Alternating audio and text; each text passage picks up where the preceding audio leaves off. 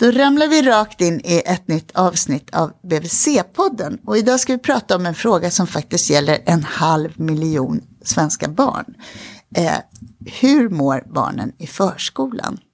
Jag heter Malin Bergström, jag är barnhälsovårdspsykolog och med mig idag har jag Ulla Waldenström. Och vem är du Ulla? Som är eh, barnmorska, beteendevetare och framförallt forskare. Mm. Och som driver en blogg va? Ja, jag har precis börjat. Ja, vad heter den? Eh, den heter eh, Bevisad nytta. Oh. Den handlar om att försöka tänka evidens, det här populära ordet. Nämli ja. Nämligen, eh, ja, hur vet vi att vi gör nytta för de vi är till för? Vi som jobbar med inom vård, skola, förskola och så.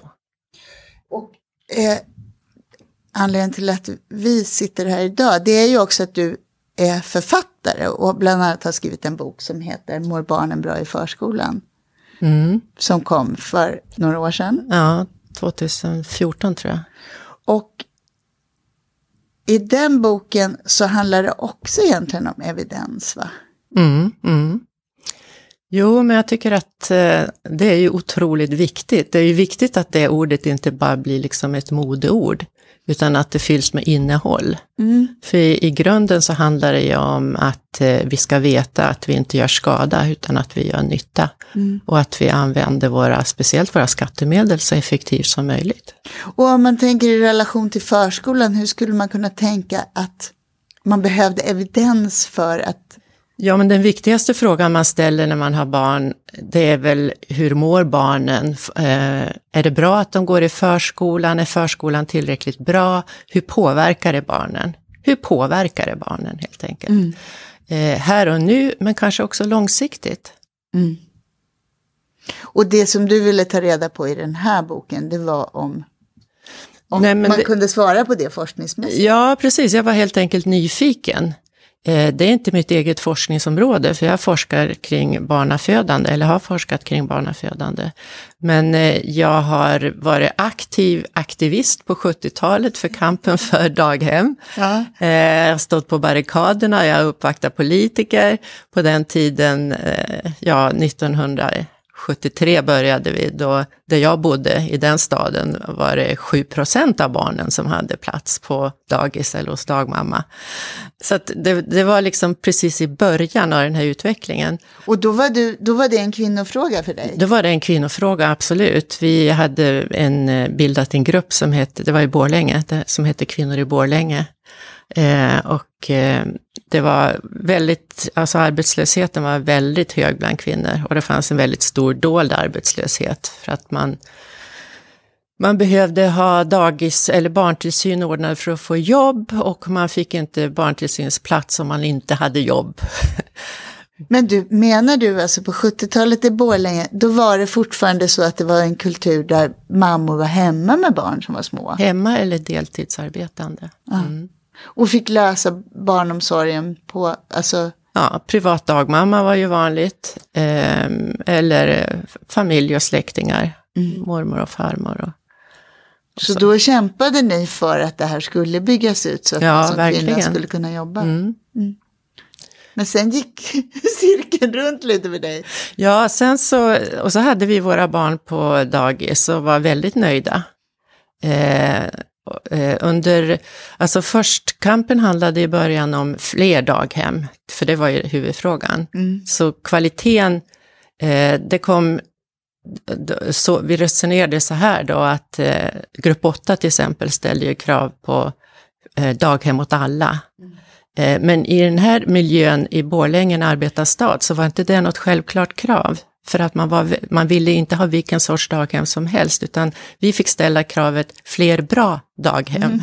Mm. Eh, men jag resonerade så då att eh, frågan om kvaliteten får man ta sen. Först måste vi ju ha barns dagis på plats. Mm. Och det kom efter några år en sån fråga när man ville utöka barngrupperna. Och då mobiliserade vi föräldrar, då demonstrerade vi och gjorde uppvaktningar och så vidare. Och jag tror att vi vann den striden faktiskt vid det tillfället. Och då handlade det om att det skulle finnas tillräckligt med vuxna pedagoger på förskolan? ja, att, att grupperna, Mm. De, de två frågorna, gruppstorlek och personaltäthet, det är ju de liksom kvalitetsfrågorna som ofta lyfts fram. Men sen, eh, och när barn nummer två kom så var det samma dagis, samma personal, alla kände varandra och det var ingen personalomsättning. Eh, och eh, ja, sen så har jag då fått barnbarn, fem stycken. Alla har gått på dagis och jag har hämtat och lämnat. Och eh, det var då jag började fundera på, idag borde man ju veta mycket mer tänkte jag, för nu har det gått en generation. Nu borde forskningen ha tagit ett stort kliv framåt, för det fanns inte mycket då i början på 70-talet, eller det fanns ingenting rättare sagt.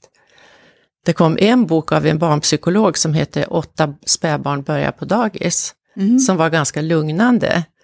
Eh, men det var ändå bara åtta barn. Du, jag måste bara fråga om det. Visst var det så på 70-talet att barn kunde börja på dagis eh... tidigare? Ja, var, mm. vid, vid, sex månader? Ja, eller? visst så var det. Så, så att spädbarnsgruppen, ja, de var ju mindre, men de hade, det var också, det måste man hålla i minnet, det var också yngre barn. Mm. Men det var också så va, att man, för jag vet inte om det var du eller någon annan som sa det, att det fanns också någon sån där utbredd det vet jag inte om jag är utbredd, men någon inställning hos mammor att det var tråkigt för barn att gå hemma med en mamma och att det var liksom gynnsamt även för barnen att få vara på dagis. Ja, men det var nog mer blandat än nu. Det var, nog, alltså det var ju en mycket livligare debatt om, om dagis är bra för ja. barnen. Idag genom att 95 procent av alla treåringar är väl, går på dagis, alltså, eller förskola som det heter, så så, så finns, det är en självklarhet idag. Och det tycker jag, det kan man ju ha tankar om. Det kan man tänka Jag kollade faktiskt de där siffrorna. Det verkar vara 84 procent av alla 1-5-åringar och 95 procent av 4 och 5-åringar ja. som går på förskola. Ja. Och bara ett, någon eller ett par procent, i alla fall i Stockholms län, som har så familjedaghem och annars ja. är det förskola som gäller. Mm. Och då var ju dagmamma ett mycket mer, ett större alternativ och det har ju tagits bort successivt. Mm. Det kan man också diskutera. Eh, ja. Men det verkar finnas någon slags också, jag tänker nu för tiden tycker jag många föräldrar säger att men man märker när de är ett, ett och ett halvt att de behöver stimulans sådär. Mm. Jag tänker om det där också är ett samhällsfenomen, att vi ser på barns behov och vad som är bra för barn utifrån hur vår, hur vår omgivning ser ut. Och att ja. man på 70-talet kanske tänkte att det här är bra för barn medan nu tänk, vid sex månader och nu tänker man att det är så vid 12-18 månader. Ja, och det hänger ju också samman då i den åldern, ett och ett halvt eller något sånt, när barnen börjar bli mer sociala, att det fanns ju inga andra barn att socialisera Nej. med när Nej. man var hemma, för Nej. alla gick ju på dagis, mm. eller går ju på det i förskolan. Du, när den här boken kom för några år sedan, vad, hur har den tagits emot? Ja, eh, det som jag blev först klar över det var att det var otroligt känsligt att överhuvudtaget ställa frågan. Om, hur, om barnen mår bra i förskolan? Ja, och att, att, wow. att, ja, nej men det, det var det absolut starkaste. Att ungefär som att skriver man en bok med titeln Mår barnet bra i förskolan? för frågetecken. Så att man skulle utgå från att man är emot förskolan. Inte att man är nyfiken och vill veta mer och är mån om att det ska bli bra för barnen och att eh, kvalitet är en dynamisk fråga och så vidare och så vidare. Så att det egentligen har varit, jag har fått liksom upprepa gång på gång att jag är för förskolan. Jag tycker det är en fantastisk institution och det är någonting som kommer att bestå och som en förutsättning för det liv vi lever och för jämställdhet mellan könen och så vidare. Men då gör det ju ännu viktigare att den är bra. Och för mig är det Ja, men det är den viktigaste tiden i barnens liv. Alltså nu är det en del av skolväsendet, men den absolut viktigaste skolformen, om man säger så, är förskolan. Varför tänker du att den är viktigast? Jo, men för att barnen är så formbara då. Att man formar sitt språk och sina, ja, hela den socioemotionella utvecklingen. Framförallt den socioemotionella. Jag är inte så bekymrad över vad de ska lära sig rent kognitivt, alltså om de kan räkna och addera redan som fyraåringar. Det, det tror jag är en, en mindre fråga, men att de verkligen får en bra start så att de har förutsättningar sen att tillägna sig den vanliga skolan på maximalt bra sätt. Du skrev också i boken att den viktigaste frågan för föräldrarna var att barnen skulle vara trygga. Ja, absolut. Absolut. Och eh, då skulle man ju ha väntat sig när jag gjorde en sökning att det liksom trillade in välgjorda studier med långtidsuppföljningar och så vidare. Men så var tyvärr inte fallet. Och, du ska få berätta mycket mer om det. Jag måste bara, mm. du, du, du fick alltså, när boken kom så fick du kanske inte kritik, men folk frågade dig varför du ställde den här frågan överhuvudtaget. Ja, jag har ju varit i, i debatt sen i, i media, både jag har skrivit eh, debatt på, i Svenskan och jag har varit i debatt i Göteborgs-Posten. Och eh, eh speciellt när jag har varit i debatt med representanter från Folkhälsomyndigheten till exempel, så har jag ju Nej men det är liksom som att man är nästan lite misstänkliggjord. Och eh, nej, men jag har grundat mycket på, alltså de enda som liksom tog emot mig med öppen famn, det var väl Hemarbetandets förening och eh, katolska kyrkan som bjöd in mig till deras familjeutskott. Och, Eh, för, alltså grupper som, som på något sätt... Som ja, väldigt konservativa, jag, jag, vill inte påstå att, eh, alltså jag vill inte sätta någon etikett på någon, men vad gäller den katolska kyrkan tror jag nog att jag kan stå för att det är ett ko ganska konservativt värdesystem kring familjen, som kanske inte är precis så som vi lever och så som jag har levt och lever. Men de som välkomnade boken, det var egentligen de som tänkte att de här svaren kommer gå i linje med våran, ja. våra värderingar. Och ja, det handlar precis. om att det inte är bra. Ja, precis. Så att man har, den här frågan har inte upplevts som neutral. Nej, det här att det bara är ett frågetecken jag ställer. Att jag inte tar ställning till, ja, det, det, det, nej, men eh, jag tror att de här grupperna faktiskt välkomnade att det är någon som vill debattera. Och så att jag måste säga att jag har eh, den allra högsta respekt för de här personerna och den kamp som väldigt många bedriver, till exempel i förskoleupproret och, och bland hemarbetande föräldrar och så vidare. För de vill ju faktiskt problematisera. Och eh, jag har mötts av väldigt seriösa personer och eh, i, i, de, i de här miljöerna. Så att eh, och, och också blivit beklämd över hur illa behandlade många har varit. Alltså att de, liksom, den rösten inte riktigt har fått plats eller misstänkliggörs. Varför tror du att det är så? Jo, men jag tror att alltså, det är någon sorts eh, misstolkning utav jämställdhetsfrågan. Alltså att man skulle vara antifeminist och mot kvinnans jämställdhet, att man skulle vara för att eh, kvinnan kvinnan ska tillbaka till spisen ungefär och vara hemma med barnen.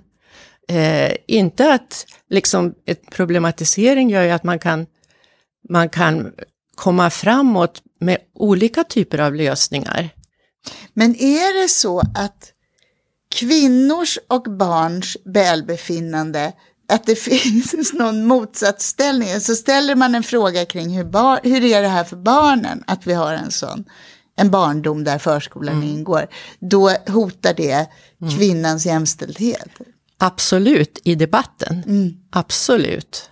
Och eh, det hindrar en öppen, intellektuellt skärpt debatt. Liksom. Och då skulle det... Man vill inte, och, och då, dessutom, förlåt, men dessutom liksom lever vi i en atmosfär nu där man väldigt lätt etiketterar folk. Liksom man, man stämplar ut folk som har en viss åsikt. Det här intellektuella förhållningssättet som man måste ha när man är forskare. Att jag lyssnar, jag, jag, jag kan tycka väldigt illa om dina idéer, men jag brinner för din rätt att formulera dem och att det är den formuleringen som leder utvecklingen framåt. Alltså det förhållningssättet är en bristvara idag. Så att som feminist så skulle det kunna hota min, eh, alltså mina ideal att börja fundera på om det här verkligen är bra för barn eller inte. För man kan ju samtidigt tänka att, men är barn fortfarande mammors ansvar? Det känns ju helt galet.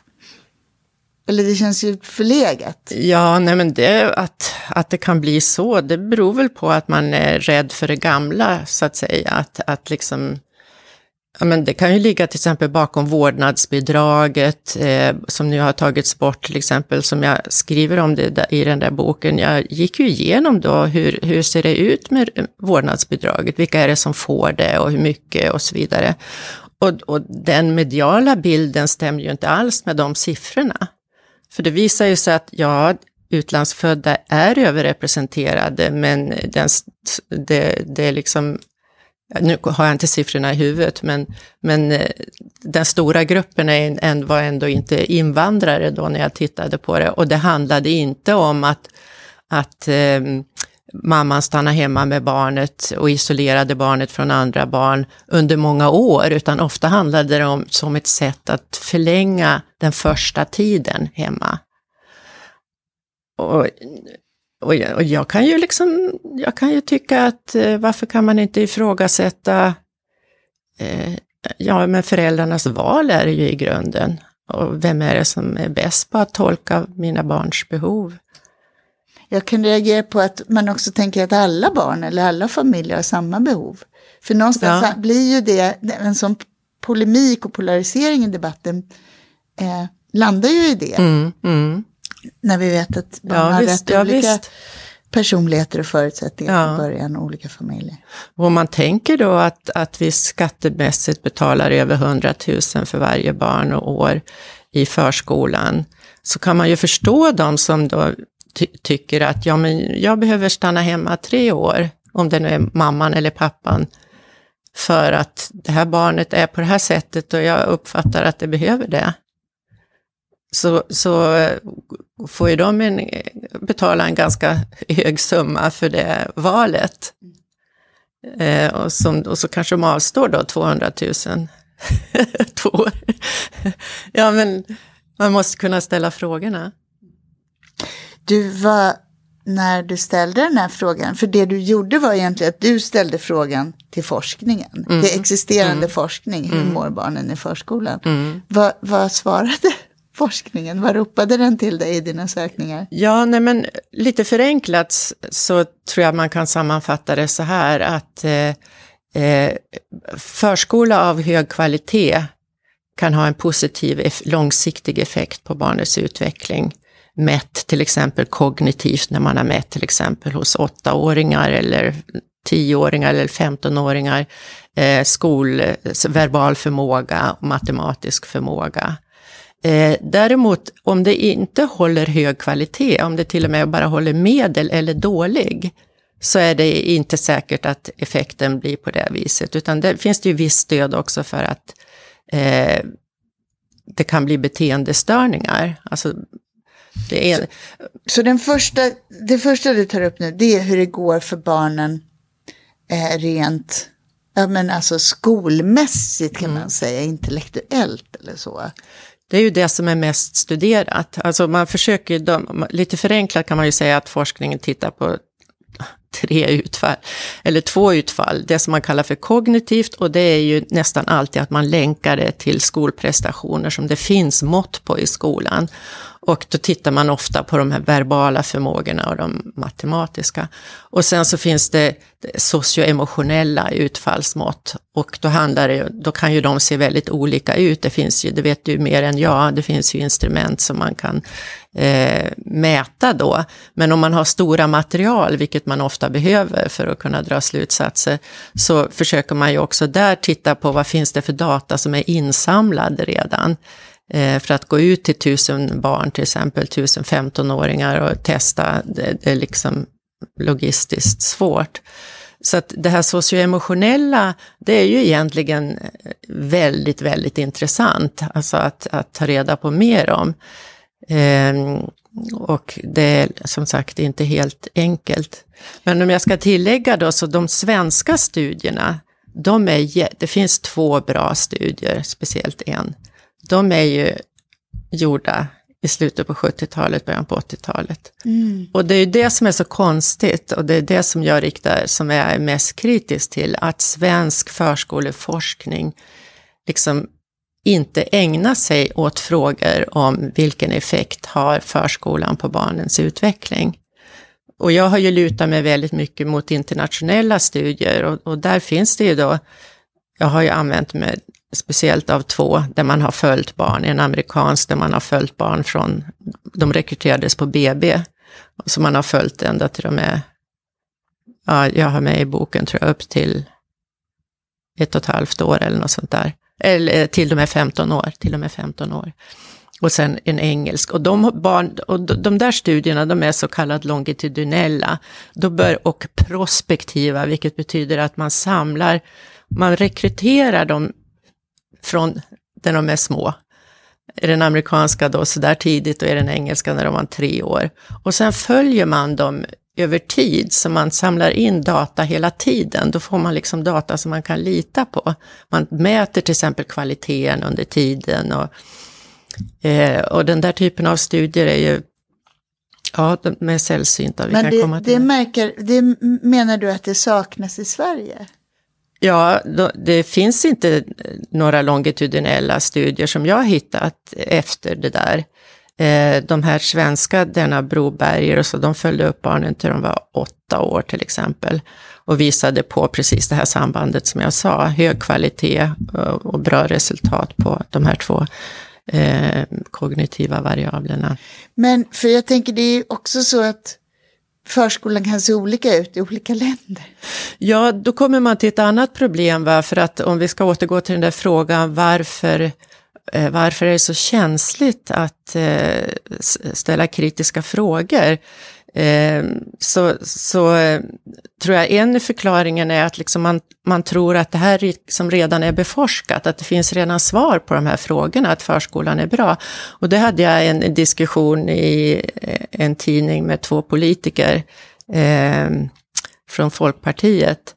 Eh, som inte svarade på, på mitt inlägg när jag kritiserade deras brist på kunskap. Eh, men det, det, är som att det har pumpats ut eh, något budskap att ja, men förskolan är bra. Den är bra för barns utveckling. Det är ingenting att oroa sig för.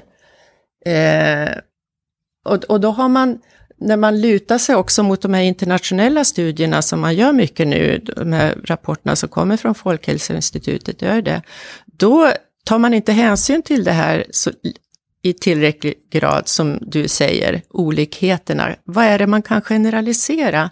Man har till exempel generaliserat resultat från studier gjorda framförallt i USA med riktade program.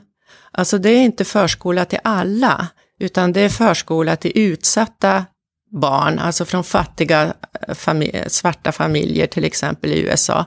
Och de är förenade med inte bara förskola utan mycket mer program. Va? Det är stödinsatser till familjerna, det är hembesök och det är, det är liksom otroligt ambitiösa program som ger väl, har, visar väldigt positiva effekter långt upp i livet. Minskad kriminalitet, mindre droger och så vidare. Eh, så att man kan inte generalisera från riktade program till allmän förskola. Och man kan inte heller, man måste också titta på pedagogiken, vilket land är de gjorda i? Om de är gjorda i till exempel Frankrike eller England, där, där pedagogiken är väldigt mycket riktad på skolförberedelse, på den kognitiva utvecklingen, eh, så kan man ju förvänta sig att det blir effekter, positiva effekter på det. Men, När man mäter skolresultat. Ja, precis. Men i till exempel de nordiska länderna och östeuropeiska, då vi har ett mycket mer holistisk pedagogik med det socioemotionella är viktigt, eh, så kanske kan det se annorlunda ut. Så att pedagogiken är någonting som kan skilja. Och sen någonting som är viktigt också, det är hur många timmar går de i förskolan? För de här som har en mer skolförberedande eh, inriktning, Frankrike till exempel, det är väldigt vanligt att de går halvdag. De går halva dagen och så är de hemma halva dagen och det kan man ju inte utesluta att det är ett väldigt optimalt förhållande för barn. Jag vet inte. Du sa tidigare att om man tittar på, på resultaten generellt kring nu pratade vi mest om kognitiv utveckling, det vill säga hur barn tänker och funkar skolmässigt, så var det skillnad mellan förskolor med hög kvalitet och de som hade låg eller medelhög kvalitet. Mm. Och vad är kvalitet i förskolan? Mm. Alltså det där är ju en kärnfråga och eh, det, har, alltså, det bedrivs otroligt mycket förskoleforskning, bland annat om den typen av frågor. Eh, och det som jag sa förut, det som är vanligast det är ju att man lyfter fram gruppstorlek och personaltäthet. Och, och, så är det ju att det är kanske det viktigaste kvalitetsindikatorn, framförallt gruppstorlek. För det har så mycket andra konsekvenser. Alltså att, att barnet för det första, ljudnivåerna. Mm. Eh, vi har ju de här studierna som Göteborgs forskare har gjort på sex förskolor i Göteborg till exempel, där, de, där det var över 85 decibel som ljudnivå. Alltså det, det, kräver enligt vissa riktlinjer åtgärder. Att ju större grupp, desto bullrigare och desto svårare att få den typen av kommunikation som stimulerar språkinlärning till exempel. Speciellt för små barn, där ska det ju vara få personer, kanske helst ett litet barn och en vuxen. Eller eh, för att eh, liksom maximalt stimulera det. Eh, så det här som man intuitivt tänker som förälder, är att många vuxna och inte så stora grupper, det, det är verkligen viktiga faktorer, ja, även och, forskningsmässigt. Ja, och det, det, som jag har sett i flera studier där man lyfter fram då, och det är en konsekvens av båda de här faktorerna, det är den här relationen eh, är den pedagogiska relationen eller vad det kallas. Alltså att det är verkligen, att barnet verkligen blir sedd. Av den vuxna? Av den vuxna. Eh, och eh, och det, det, kan man ju liksom då, om, om vi tittar på den här stora amerikanska studien till exempel, där har de mätt kvalitet så som kvaliteten i interaktionen med den primära vårdaren. Alltså för att barnen kunde ju, om man följer barn så här, i alla fall i ett land som USA, så kan de ju först ha haft en nanny, sen kanske de var eh, i eh, någon annan grupp hos sin dagmamma, sen kanske de var i förskolan. Så hur mäter man kvaliteten då? Jo, men då följde de den person som var deras primära kontakt. Och hur var kvaliteten i den relationen? Och det är kvalitetsindikatorn. Så det man forskar kring föräldraskap eller kring vilken typ av bemötande som barn behöver för att lära sig och för att också blomma i någon relation. Det har man också kunnat göra åtminstone i någon sån här studie. Att, det, för annars blir det så att barn skulle vara små fyrkanter som man kan trycka in i hål och så är det en optimal pedagogik och, som skulle funka för alla det, det är det ju verkligen inte, utan det här handlar om individer som behöver bli sedda mer som individer eh, än någonsin an, någon annan gång i livet när man är så här liten eftersom ja. man är formbar och någon behöver hjälpa en att lyfta fram det som är just jag och mina möjligheter. Ja, jo, absolut. Och ju yngre de är, jag menar om de är två eller tre, för eller, må, eller sex. Det för det måste ju vara en annan fråga i, i forskningen. Jag menar, det som jag har, det som är kritik mot förskolan i Sverige som dyker upp med jämnare mellanrum, det är ju barn 0 till 3 år. Mm. Och jag tänker det måste ju också vara en viktig parameter. Är det här, är förskolan bra för nollåringar, för mm. ettåringar mm. eller för mm. fyraåringar? Mm. Har man studerat det? Eh, jag kan inte svara så där rakt av på den frågan, men eh, den är, ju, den är ju väldigt central och då tänker jag mig, alltså jag skulle önska mig, apropå forskning, att man idag, att det fanns några forskare som ville ta initiativ till en stor longitudinell studie. Det, för det, det, alltså det, det går ju inte att lotta lotta barn till hemma eller i förskola. Eh, och så sen, vilket vore eh, for, forskningsmetodologisk våta ideal. dröm. Ja, precis, laboratoriemässigt. Utan man, man får ju nöja sig med så kallade observationsstudier. Men mm, om man liksom kunde göra det prospektivt i alla fall, alltså följa från tidig ålder och slå sig ihop, alltså verkligen om, om myndigheterna och forskningsfinansiärerna förstod hur viktig den här frågan var, så skulle man ju liksom, och så kompetenta forskare som samarbetade, de skulle kunna samarbeta mellan Norge, Danmark, Finland och Sverige för att få tillräckligt underlag. Mycket pengar behövs det.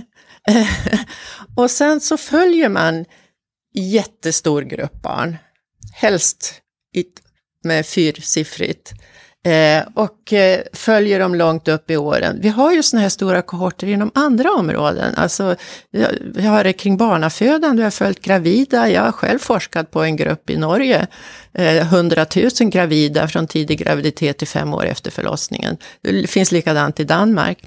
För då skulle man kunna titta på undergrupper i slutänden. Säg att vi har sen resultat på 15-åringarnas eh, eh, socioemotionella status enligt någon viss metod. Så kan man liksom titta på exponeringen där under förskolan. Och hur gamla var de? Hur lång tid var de? Många timmar per dag vistades de i förskolan? Bla, bla, bla. Men betyder det, Ulla, att sådana frågor som den som lyssnar på den här podden nu vill ha svar på, typ hur många timmar är lagom i veckan, optimalt, mm. om vi har möjlighet att styra det här? Mm. Vad ska vi lägga oss? Mm. Ålder för förskolestart. Mm. Är det, det, ska jag försöka sega ut på det där till 18 månader istället för att låta den börja vid 12? Mm. Vilket, vilket skulle vara bäst? Eh, vilken pedagogik ska jag välja? Om det nu går att välja, mm. men i alla fall på marginalen. En annan fråga som du har skrivit om som jag tycker är intressant. Ska förskolan fokusera på omvårdnad? Det vill säga trygghet, att det finns ett knä för barn att sitta i, att det är någon som drar på vanten och mm. Ser till att barnen verkar ha det bra och få komma in i lek? Eller ska man tvärtom fokusera på inlärning och ha mer strukturerad verksamhet så att man utnyttjar den formbara tidiga hjärnan? Alltså mm. den typen av frågor som man kan mm. ställa sig när man ska låta barnet gå på förskola. Det menar du att de svaren har vi inte idag, forskningsmässigt? Nej, jag tycker att det är helt otillräckligt, absolut. Eh, sen är det ju naturligtvis i slutänden föräldrarna som bedömer sitt enskilda barn. Men eh, föräldrar tycker jag borde ha rätt till en bättre kunskapsbank och, och då får man ju resultat på gruppnivå. Sen finns ju den här problematiken att grupp och individ eh, kan vara olika saker. Men ja, är det några av de där frågorna som jag ställde nu som du säger att man skulle kunna besvara vetenskapligt alltså för barn på gruppnivå? Det här med antal timmar per dag, där är väldigt motstridiga. Det, det finns studier som tittar på det. Eh, och eh, där har jag hittat sådana som, jag kan inte sammanställa någon trend.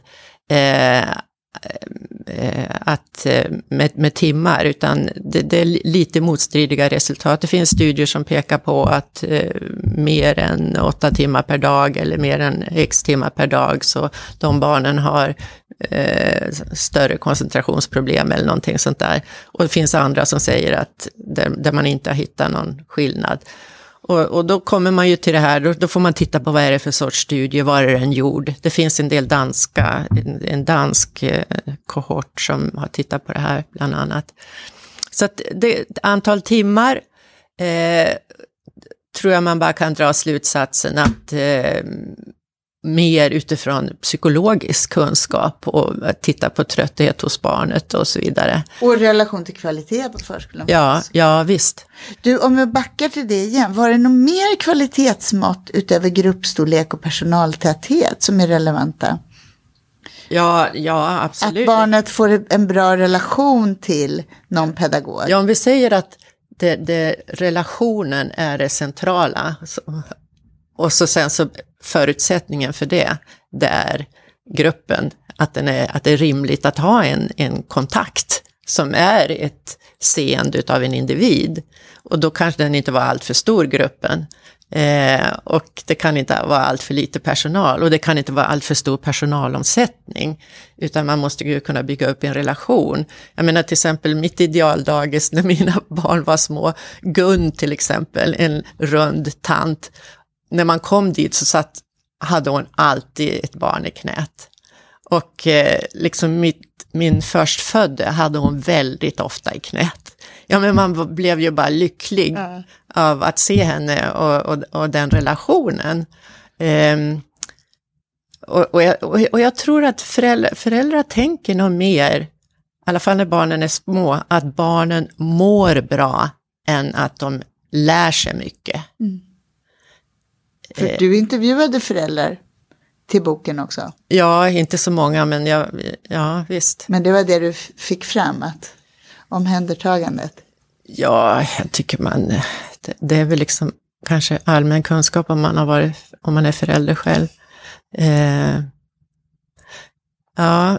Du, vi pratade om, du pratade om liksom vad studier har sett när det gäller kognitiva utfall, det vill säga hur det går i skolan och så.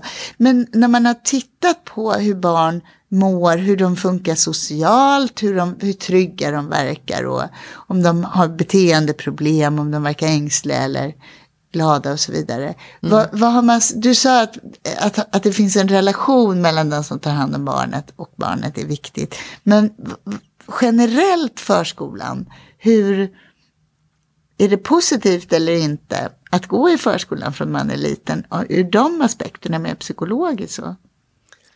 Gud, vilken stor fråga du ställer, Malin. Um, ska man svara på den? Alltså, man måste ju hela tiden tänka, vad jämför jag med? Eh, de här, den här studien, första studien som jag tyckte var så bra i Sverige, sånt som man kan göra när man börjar bygga ut förskolan, det är ju att det finns en grupp med hemmabarn som man kan använda som referens. Och då är frågan om vi skulle ha det idag, hur, vilka är det som är hemma med sina barn idag? Det kanske en helt, den gruppen kanske inte är speciellt representativ. Eh, så att man måste ju titta på vad är alternativet? Eh, så att liksom om, jag, om du frågar mig sådär och jag ska allmänt, det blir min personliga bild av vad jag, som är en blandning av det jag har läst och som jag har läst som med kritiska ögon som forskare i kombination med mina egna erfarenheter och mina egna värderingar. Och, och, och då, om det, jag vet inte om den frågan är intressant, det är liksom bara jag då va.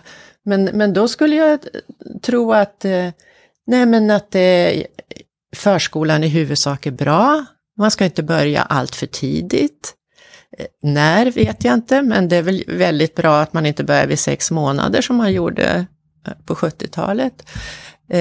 Jag skulle säga att man inte ska ha barnet på förskolan så många timmar. Eh, och, det här är ju ett jätte komplicerat för att det är stressigt liv alla lever, men eh, eh, det här när barn, man tänker att både kvinnan och mannen heltidsarbetar så har ju barnet en längre så kallad arbetsdag än föräldrarna. Det är inte rimligt. Det är inte rimligt. Jag tycker liksom att vi har en sån fantastisk föräldraförsäkring idag att det går ju långt upp i åren att gå ner till deltid. Ja, eh, alltså, man kan jobba 8, 80 procent eller mindre Eh, så att barnen inte behöver vara så många timmar. Men sen är ju barn så olika, det vet ju du bättre än jag, som, du som är psykolog. Jag menar, en del barn är ju väldigt robusta och har otroligt utbyte och, kan, och stimulerade och andra är annorlunda och skörare. Det brukar jag tänka på att jag tycker att det är en ganska enhetlig förskola ändå. Mm. Den som erbjuds och att jag kan tänka just eftersom jag tycker att småbarn är ännu mer olika än vi vuxna. Ja. Och att ja, men jag skulle önska att det fanns ett bredare utbud för att det skulle finnas något som passar alla ja, jag tycker Det här med att dagmammor det, varför, varför, har det försvunnit? Eh, idag är det så, såg jag i en studie från Danmark, där man hade en grupp, eh, man jämförde med barn som gick hos dagmammor. Men då hade man ju det problemet att de som var dagmammor, eh, det var ju inte heller speciellt eh, välbetalt jobb så att säga. De kom då från, de hade en socioekonomisk bakgrund som var mer lik, eh, som, som var lägre än föräldrarnas i genomsnitt. Alltså att det var en överrepresentation bland dagmammor av kvinnor som var lågutbildade. Eh, och om de har en hyfsat stor barngrupp, säg sex, sju stycken, och inte själva kanske är så resursstarka som välutbildade förskollärare, så kan ju den miljön i hemmet vara både isolerande och understimulerande. Vilket också är ett problem va? Så att, ja, det är inte så enkelt. Jag, sitter typ, jag såg siffror från SKL på förskolan nu att barngruppsstorleken på barngrupperna har, i Sverige har generellt sett minskat de senaste två åren. Mm. Eh, tror du att det kommer bli att det här kommer bli en större fråga och att det här, den här forskningen som du efterlyser, att det kommer komma mer på tapeten när barnkonventionen blir lag 2020? Alltså barnkonventionen är all ära, men när det är sån brist på personal och sån personalomsättning, det är ju problem nummer ett. Då faller alla lagar och regler liksom långt ner i prioritet vad som måste åtgärdas. Jag menar, man har eh, andelen förskollärare var ju, tror jag, vid 2000-talet någonting 50 procent. Det har ju gått ner till 35 procent någonting nu. Det för, jag skriver om det där i den här bloggen jag har, hur, eh, hur många som skulle behöva, jag tror jag skulle behöva utbildas 4 000 förskollärare per år för att komma ikapp och idag utbildas det 1700, eller alltså knappt hälften. Eh, men det här att det inte är stadig personal och att, det, att utbildningsnivån har sjunkit, alltså det kanske har förändrats de sista två åren någonting, men trenden är, om du jämför med 70-talets personaltäthet till exempel, eller gruppstorlek, så är grupperna 20 procent större idag. Så att då handlar det om vilket tidsperspektiv man har.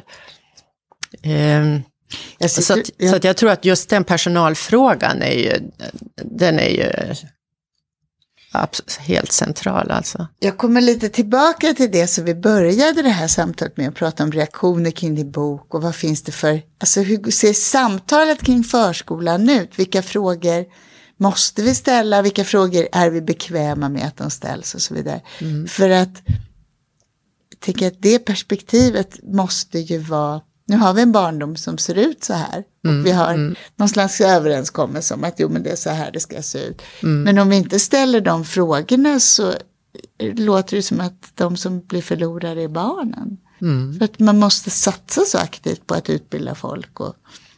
Ja. Nu har vi haft en debatt under lång tid om skolan. Men det här är ju en liten tickande bomb, förskolan som jag, då, som jag alltså sagt tidigare, tycker är allra viktigast eftersom alla barn går där. Man kan ju också tillspetsat säga att det är ett gigantiskt samhällsexperiment i ett historiskt perspektiv, att man alla barn från ett års ålder, i princip alla, går i en samma institutionaliserade form av omhändertagande. Eh, och så att, eh, ja.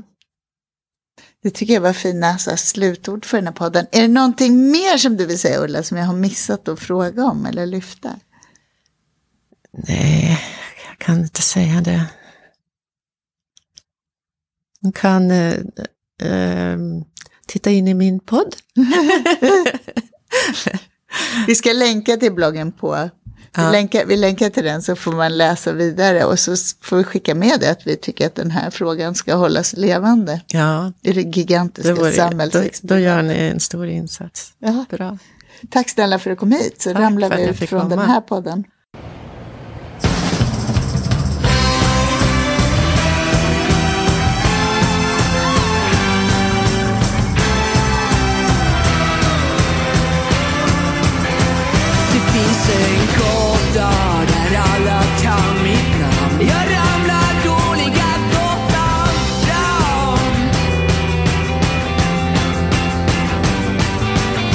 All var full, jag var dum och jag